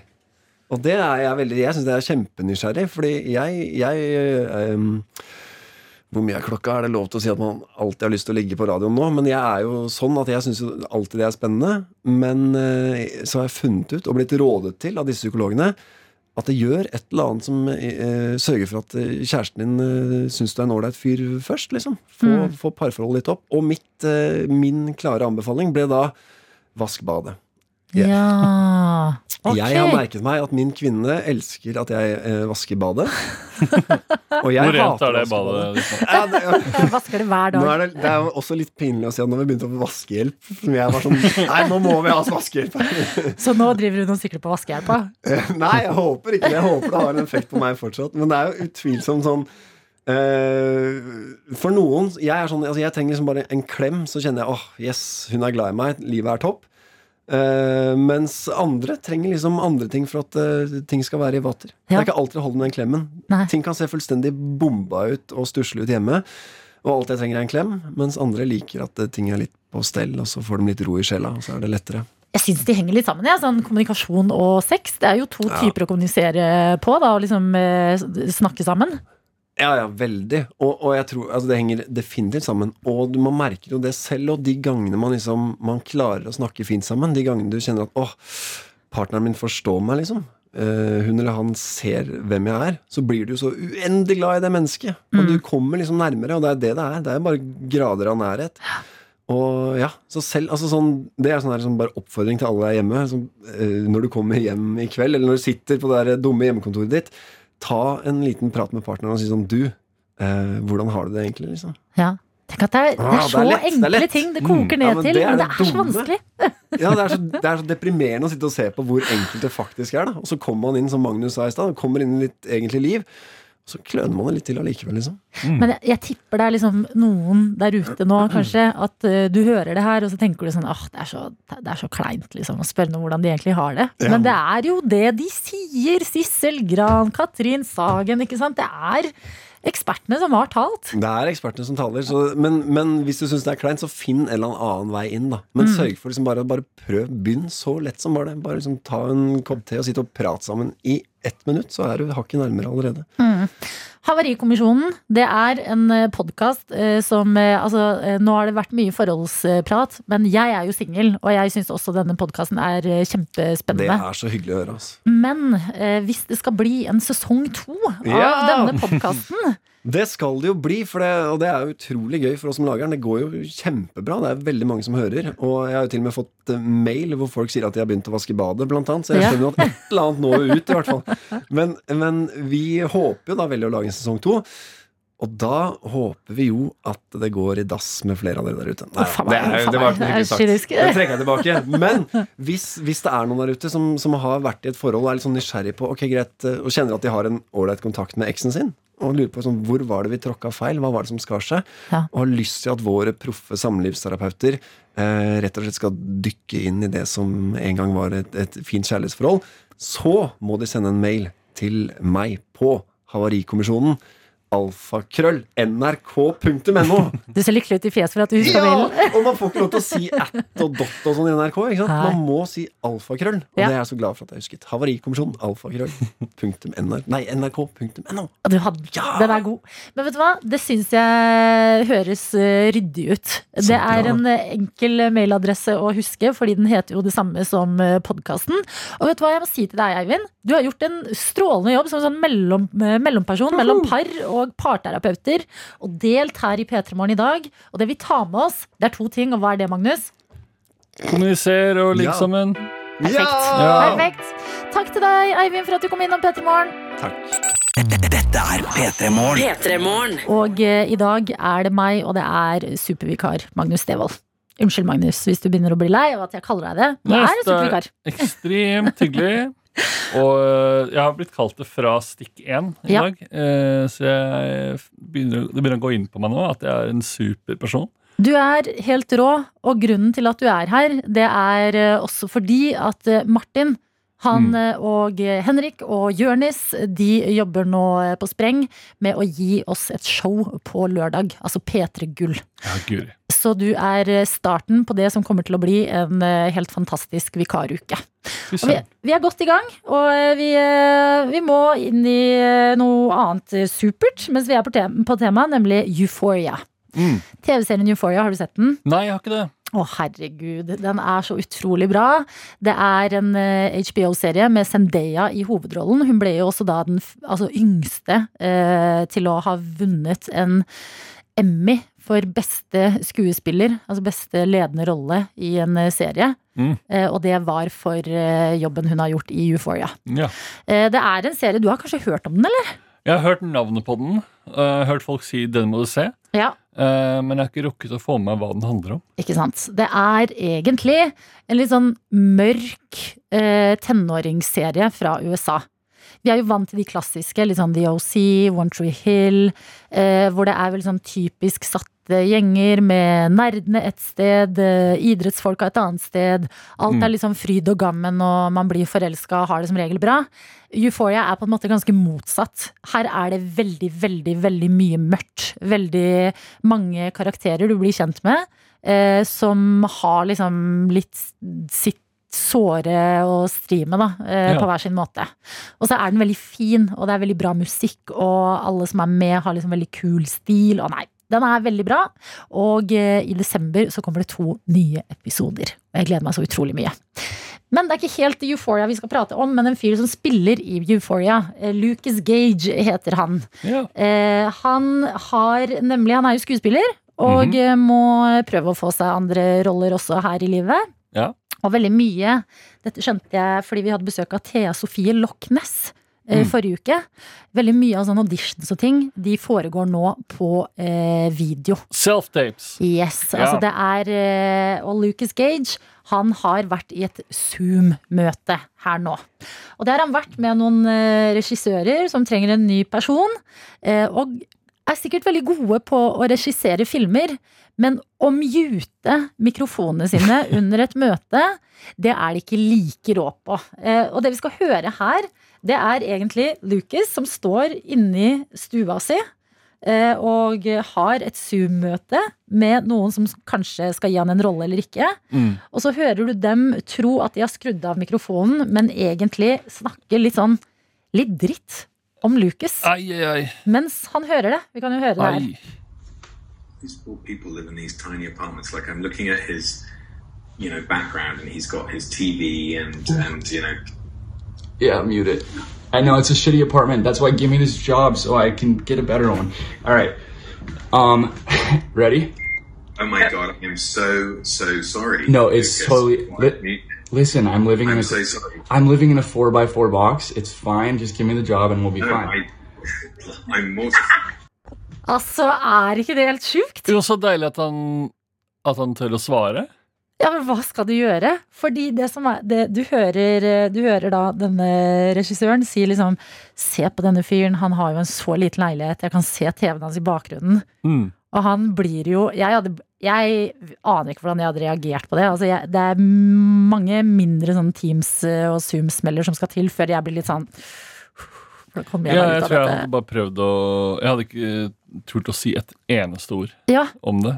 Men, Men- han går bare rett i, til angrep mot han. ja altså han, han kødder jo. Han bare Ja, Mm. det er sant, jeg har en liten leilighet, vær så snill å gi meg jobben, så jeg kan få et litt bedre sted å bo, og liksom svarer de, og da hører Mm. du han regissøren si Oh my God, I'm so mortified. Og det må jo være en av de verste smellene. Altså, en ting er å glemme å liksom skru av kamera, eller liksom dumme deg ut ting som går kun utover deg selv. Mm. Men det her må jo være noe av det verste som eh, har kommet ut av sånn Zoom-smeller. Ja, det kan bli noen fryktelig lange dager på sett, og Ja, hvis du starter med den stemningen der ja. Ja, fordi hvordan Du har jo Du har laget en del TV. Ja, Ja. Du har som regel god tone med de eh, som har regi. som regel har man jo det. Ja. Eh, men eh, Nei, jeg vet ikke. Sånn, sånn å drive og prøve å gjøre ting på Zoom uh, av sånn Du skal vise fram et eller annet, du skal pitche noe eller deg selv eller uh, Det er jo utrolig vondt i utgangspunktet, for Ja. du står jo bare hjemme i stua. Ja. Uh, og så er de et helt annet sted. Du ser egentlig ikke noe særlig respons. Bortsett fra med han her, hører du jo Hører du veldig mye respons. Men nei, så grusomt for begge to. Jeg vet det. Tror du han føler nå at han må gi han jobben? Eh, det vet jeg ikke, for da får jo alle vite hvem det er. Ja. Fordi nå er det jo ingen som vet hvem dette er, og det er jo det det spekuleres i. Eh, Fordi alle på internett er sånn 'Hvem er det som har glemt det?' og begynner å gjette og sånne type ting. Men forhåpentligvis, da, så kan Lucas, som nå går liksom litt, han blir litt hylla for denne videoen her, Mm. få seg en annen jobb. Eh, at navnet hans er litt ute og sånn. Ok, denne fyren har hatt det kjipt. Vi gir deg en eh, rolle her hos oss. Ja, det er jo en slags eh, Ja, gi mannen en større leilighet. Gi Ja. han jobber. Altså, det er eh, Tenk på det neste gang du sitter i et litt dårlig Zoom- eller Teams-møte på jobben. Å, fy faderen, så mye verre det kunne vært. Hvor vi nettopp hadde nyheter eh, Altså vi fikk nyheter av Elin Kristin, Mm. eh, som kunne fortelle at nordmenn nå selger eh, feriehyttene sine i Sverige, og det er pga. koronastengt grense. Ja. Og det kan man jo skjønne at man heller vil eh, selge den hytta og kjøpe noe i Norge. Kjøpe noe man kan dra til. Mm. Eh, det jeg reagerte på her, eh, er jo at hytter i Sverige eh, er jo et sted som ikke fins. Ja. dette er jo den mest klassiske løgnen man fortalte på barneskolen. Eh, hvis noen spurte har du klina før, Ja. har du eh, kjæreste Ja. Eh, ja, jeg klina på hytta i Sverige faktisk i sommer. Nei, du tuller. Som er, fordi det er ingen som kan bevise det. Når du Ja. sier at det har skjedd på hytta i Sverige. Ja, jeg har faktisk eh, to kjærester på hytta i Sverige. Nei. Alle barneskoleklasser har en sånn hytta i Sverige-person. Er dette en sånn vanlig ting som har gått meg hus forbi, eller er dette en sånn lokal greie fra din barneskole? Det er det jeg ble usikker på akkurat nå. Ja. Uh. For jeg må innrømme, vi, vet du, jeg vet hva som har skjedd her. Jeg har jo gått uh, på uh, barneskole i Sarpsborg, så å si Sverige. så å si Sverige. Ja. Så Sverige blir for nært til å plassere en løgn der. Ja, så dere sier hytta i Finland? Hytta i Ja. Danmark? Hytta i Danmark, Ja. sier vi ja. ja. Nei, fordi i hvert fall jeg hadde Hytta i Sverige, ok, ta, ta oss inn i skolegården din, Mm. Magnus. ja. Når er liksom klassisk Har du noen gang brukt hytta i Sverige-løgn? Nei, jeg turte aldri å bruke det. Nei. Men uh, det var da, særlig når det kom til litt sånn eh, klining og kjærester og sånn, Ja. uh, som var litt sånn skryt mellom gutta, hvis man hadde fått til. Ja. Uh, så dette er da sen barneskole, tidlig ungdomsskole, kanskje. Så var det alltid noen som kom og sa spurte, Ja, du da? Har du, jeg klina med en jente i går på festen. Har du klina noen gang? Ja. Eh, jeg har faktisk klina på hytta i Sverige. Så Hva?! det har jeg gjort. Hvor var hytta i Sverige da vi eh, alle trengte en løgn på barneskolen? Det er en genial løgn. Det er helt nydelig. Jeg kan anbefale, Det er kanskje vanskelig akkurat i år. Jo, men, do, men dog enda bedre. Ja. Altså, hvis man sier hvis du, um, For eksempel jeg, da. Jeg Mm. har ikke TV akkurat nå. Ja. Eh, Så hvis noen eh, reagerer på det når de kommer på besøk til meg, så kan de si sånn Ja, nei, TV-en er på hytta i Sverige. Ja, det Så jeg bare jeg får ikke henta den. sykt svær TV på hytta i Sverige. Å ja, du ser du, Mokkamaster, ja. Mm, jeg har det på hytta i Sverige. Ikke sant? Du kan bruke den til det òg. Ja. Alt uh, av ting du bare vil lyve bort at du ikke har, eller ikke har gjort, eller ikke har fått til. Ja, Uh, si at du har det på hytta i Sverige. En rapport på jobb. Mm. Ah, Glemte den på hytta i Sverige. sorry, ass, men den er på hytta i Sverige. Eller ting Eller vet du hva? Klær man har eh, lånt bort. eh, Eller klær du har lånt av andre. Ja, og så finner du det ikke. Når de sier sånn, du, den genseren. Så bare, du, artig at du nevner den, for den er på hytta i Sverige. jeg hadde den med på hytta i Sverige, Ja. og de var helt ville etter de klærne. Og så glemte jeg de.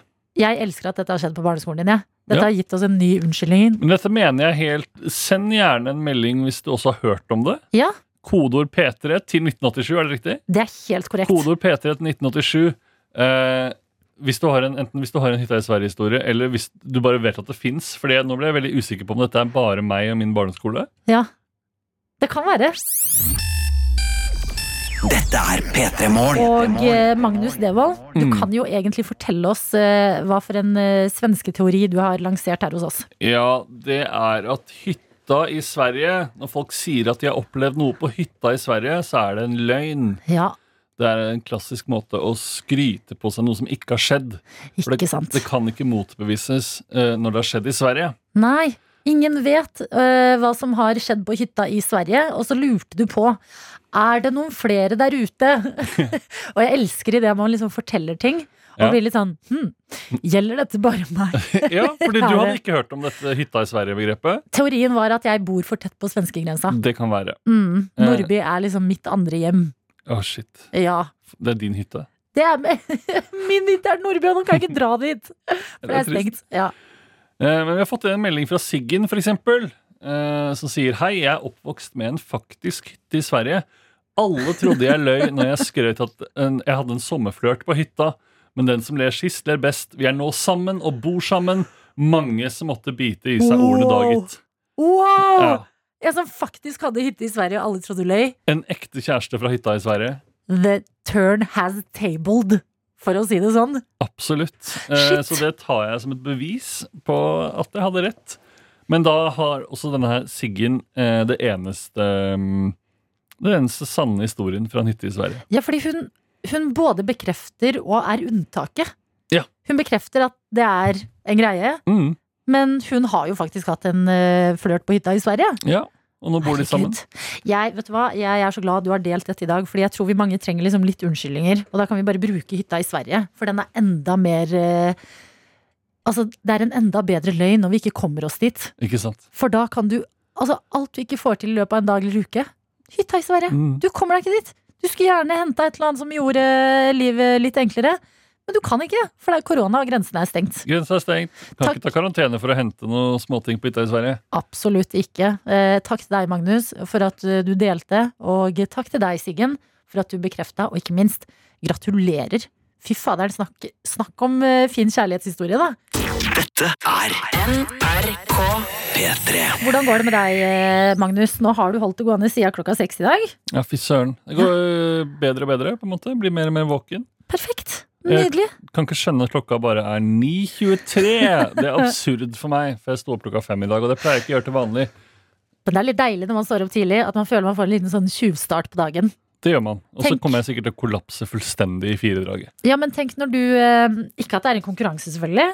Men når du kommer eh, hjem til eh, kjæresten din, Mm. og klokka er sånn ett, Ja. og kanskje hun har hatt litt sånn sein start på dagen, eh, mens du kan være sånn Jeg har vært så Fire timer radio. Ikke tenk på det. Mm. Du, Vi må snakke litt om eh, et nytt produkt på markedet som fascinerer meg. Ja, Jeg er inne på The Guardian. som vanlig. Ja, og her er det Jeg skal være helt ærlig. Jeg trodde at det var en sak om Friends.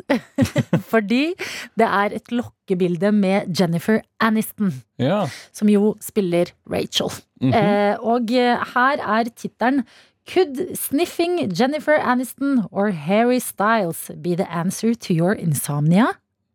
Som jo er eh, spennende. ja. Fordi det som har skjedd, det er at det har kommet et nytt produkt på markedet. En bitte liten flaske med eh, sånn putemist, altså sånn putespray. ja. Eh, som du kan eh, velge da hvilke kjendis du har lyst eh, til at puta di skal lukte som. Kjøpe en liten flaske til 150 kroner, og så skal disse luktene De skal liksom gjøre at det fremprovoseres eh, litt Hva heter dette sovestoffet? Melatonin. ja riktig. Ja, i kroppen din så kan du liksom sove til lukten av si Oi. Harry Styles. Men er det da ekte Harry Styles-lukt? Ja, for det er her det er spennende. For de blir eh, spurt, disse som står eh, bak denne sprayen, Ja. hvordan, hvordan har dere funnet ut hvordan de forskjellige kjendisene lukter? Og da har de sagt at disse luktene de er basert på parfymer de vet at disse kjendisene bruker. Ok, Så det er ikke kroppslukt, det er Nei. parfymelukt. Det er eh, parfymelukt og sikkert litt sånn miksing og triksing. Så det lukter Ja. jo litt sånn lureri, egentlig. Ikke sant? Men jeg syns jo fortsatt det er et spennende konsept. Det er det. Hvem ville du helst uh, av norske kjendiser, hvis du skulle sprayet en norsk kjendis på puta? Og en norsk kjendis på spray på puta. Lars Monsen. Lars. Å, det er granbar og Mm. Ja, litt sånn skogs, eh, skogslukt. Det er sikkert veldig godt. Det, nei, vet du hva, det måtte blitt uh, Lars. Hva med deg? Ja. Jeg har alltid tenkt at Andreas Wahl lukter veldig godt. Ja. Eh, kanskje ikke når han er sånn dansesvett, som han har vært i det siste, men eh, ellers til vanlig. Jeg syns han ser så ren og kjekk og pen ut. Enig, og han har veldig hvite tenner. Ja. Ikke at det legger til noe på luktfronten, Ja, kanskje. men kanskje litt grann sånn mint, eh, litt tannkrem eller munnskyllevann. Mm. Litt uh, parfyme, som han sikkert har forsket seg frem til hvilken som er best. Ja, Og så litt god Andreas Wahl-kroppslukt. ikke sant. Men for å snu på det. Mm. hvilken kjendis er det du absolutt ikke ville spraya puta di med? Da er det fort å tenke at man skal opp i alder. Ja, Um, hvem er de? Dronning Elisabeth, kanskje? Dronning Elisabeth, ja. At det lukter sånn, det sånn gammel sånn dameparfyme. Sånn tung, tung parfyme. ja. Og litt hund, Og fordi litt hun hund, og litt te, og litt uh, bare liksom sur britisk gammel dame. Mm. Ja, det er spennende. Fordi gamle Altså, det er litt sånn koselig bestemorlukt også, plutselig, da. Men er Men på puta, liksom. Helt oppi nesa når du skal sovne. Så har du sånn gamle, Jeg vet ikke hva de heter engang. De, gamle- de parfymene som gamle damer bruker. mm. Jeg skjønner hva du mener, de som lukter litt sterkt. Mm. Men da lurer jeg på, eh, si du da, Magnus, hadde fått eh, eh, dronning Elisabeth Ja. sin eh, duft på puta di og skulle sovne. Da Mm. lurer jeg sånn på hva du hadde drømt. Det hadde nok blitt ganske The Crown-baserte drømmer. Ja, Ja. hva skjedde egentlig der med Diana? Uh, våkner opp Ikke av et mareritt. Ja, det er merkelig. Må ha mareritt om at eh, Diana fortsatt er i live. Der er du god. Der er du eh, satire. Det er på høyt satire, nivå. Vi går rett til låt. P3 Morgen. P3 Morgen. Hvor vi nå også har fått inn deg, videojournalist Daniel. God morgen, god morgen. God morgen. Um, dere har jo prata om at hytte i Sverige Det er en ofte brukt løgn. Mm. Om at folk, hvis de sier at de har en kjæreste, eller kyssa noen i Sverige, så er det bare en løgn, fordi ingen kan bevise at noen har vært der ikke sant, når det skjer. Ja. Mm. Og så fikk dere jo en SMS i stad Ja. av Sigrid, var det? Mm, Siggen? Siggen, som uh, sa, sa at hun faktisk har sagt at uh, hun hadde en ferieflørt i Sverige, Mhm. på hytta i Sverige, Ja. Og at det var sant. Mm. Altså, de flytta sammen, og at det liksom Da det uttrykket Da er det snudd, da, ikke sant? Ja. Og da eh, skulle du, Adelina, du skulle jo på en måte si at oi, nå har, nå har det snudd, nå er det ikke en løgn, ikke sant? Her er beviset på at noen har gjort det. Og det jeg bare lurer på, da, er om eh, Fordi du er jo litt glad i å bruke sånn humoristiske uttrykk, eller du er glad i humor i språket. Hva har jeg sagt? Nei, det jeg lurer på, Adelina, er at uh, du skal på en måte si at nå har det snudd, ikke sant? Ja. Bruk et uttrykk. Um, Skal du arrestere nå? Det du så skal? det Nei, jeg føler meg nei, så så det jeg lurer på, er er det her humor, eller er det feilsnakk? The turn has tabled, for å si det sånn. Du, du skal si The table has turned, ikke sant, Adelina? Og det jeg lurer på Nei, jeg skulle si the turn has tabled. Ja, Så det, det er humor, da? Er det? Ja, det er, jeg vet ikke om det er humor, men jeg har sett det på mange memes. Det er litt som uh, Rick ja. Det minner litt. Ja. Fordi at jeg ser Jeg, jeg sitter jo og klipper og ser eh, an ansiktene deres. Jeg ser jo, har tilgang til ansiktene deres Ja. når dere sier ting på radioen. Mm. For det blir jo filma. Og da ser jeg at når du sier det, du sier det ganske sånn casual. Det ser ikke så gjennomtenkt ut. Og jeg ser at du, Magnus Devold, du Ja. stopper opp i det øyeblikket du ser det. Ja. For, men du vil ikke arrestere, eller du, du betviler ikke at du sier det. Jeg arresterer bare folk på hytta i Sverige. Mm. Hvorfor lot du den gå, eh, Magnus? Hva var tanken? Eh, Altså, Du reagerte ikke på dette her. The turn has tabled, for å si det sånn. Jeg tenkte dette var en ny humor Ja. Eh, som eh, jeg lot gå. Ja, For det har ikke blitt en ny Martin Lepperød. For han bruker ofte å si ting feil. Jeg Ja. er den nye Martin Lepperød, Daniel. Å ja, Ja. beklager, Det er beklager. jeg som er, den, jeg som har overtatt jobben til Martin Lepperød. Men da må du si sånne her ting. Det, øh, altså, rollene har skifta. Nei, for dette var ikke feil. Dette var jo et forsøk på humor. Jeg vet ikke om jeg overforklarte dette nå, men jeg syns det er morsomt når det står Fordi the, eh, the turn has tabled. Mhm. Når det står det i memes. Ja, da ler du godt. Ja, nå Nå tenkte du på det og begynte å le. har du flere uttrykk Jeg som du kan angrer. Eh, nei, jeg kan ikke komme på flere nå. Å, fy søren, nå er jeg flau, Daniel. Men eh, ja, jeg må bare stå inne for det. Takk for at du eh, tok det opp enda en gang. Ja. Kan jeg, siden vi er inne på temaet, ta med en melding eh, vi har fått fra Kristina? Kjør på. Nå vil jeg bare ro meg ut av Ja. situasjonen. Har, du, ja, har du et annet uttrykk også? Vi får du kan se, da. liksom dra det inn med, ja. Jeg aner ikke. Vi får se hva det Vi skal debrife meldingen til Kristine etterpå. Hei, Magnus! Jeg har ikke hørt om hytta i Sverige, men var gjerne eh, campingplassen Campingplassen. Mhm. Hører dere hvor flaue jeg er? Det var gjerne hva? Gjerne hvor? Ok, Ikke hørt om hytta i Sverige, men det var gjerne campingplassen eller andre steder man hadde vært på ferie om sommeren. Altså at du brukte, Hvis du hadde campingplass eh, i eh, Østfold, da, for eksempel, så sa Mm. du det. Jeg hadde faktisk mitt første kyss på ferie i Tønsberg, men ingen trodde på meg. Mm. Hilsen Kristina. The turns have tabled igjen. Godt sagt. Godt sagt. Mm. The turn has tabled, Kristina. Magnus, du er ferdig for i dag. Veldig trist å høre, på Ja, en måte. det? Ja, men også litt deilig å øh, ha kommet seg gjennom det på en ok måte. Vet du hva, jeg syns, eh, jeg syns det har vært glimrende å starte dagen sammen med deg her i hyggelig. Petremorgen. Takk for at du eh, var en supervikar i dag. Takk det samme.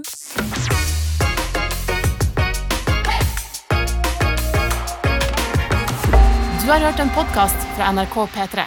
Hør flere podkaster i appen NRK Radio.